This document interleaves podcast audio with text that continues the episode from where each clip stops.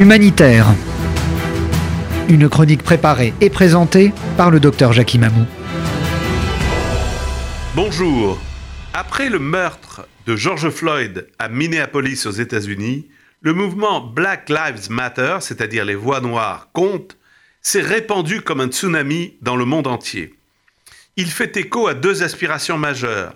D'abord celle d'une police qui respecte et ne violente pas inutilement les citoyens, et en particulier qu'elle ne fasse pas preuve de racisme envers les contrevenants supposés.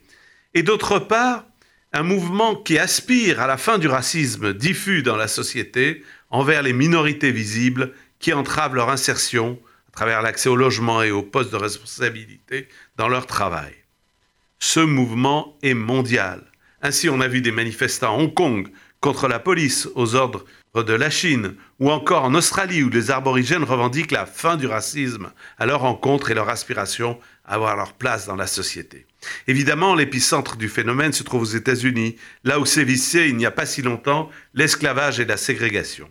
Mais l'onde de choc atteint des pays comme la France.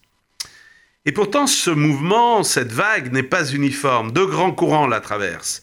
Celui qui est le plus mis en avant, est basée sur une conception raciale de la lutte et laisse supposer une ségrégation institutionnalisée ou un racisme d'État. S'y agrègent des suprémacistes noirs ou ceux qui s'intitulent les indigènes. Beaucoup d'intellectuels le soutiennent et ce mouvement bénéficie d'une couverture médiatique complaisante.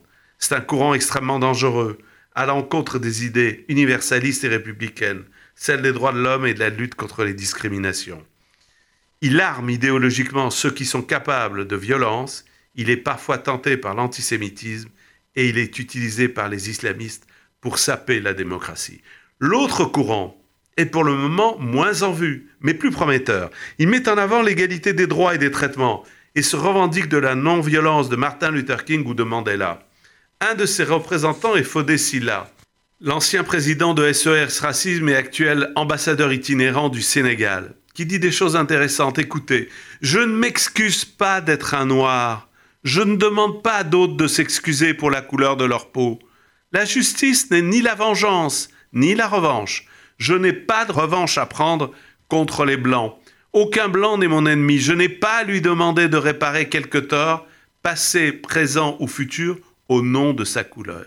Ces paroles sont moins rebelles, et donc plaisent moins à certains, mais elles portent la noblesse de la lutte universelle de l'humanité pour plus de justice et de dignité. C'est le combat qui est digne d'être soutenu.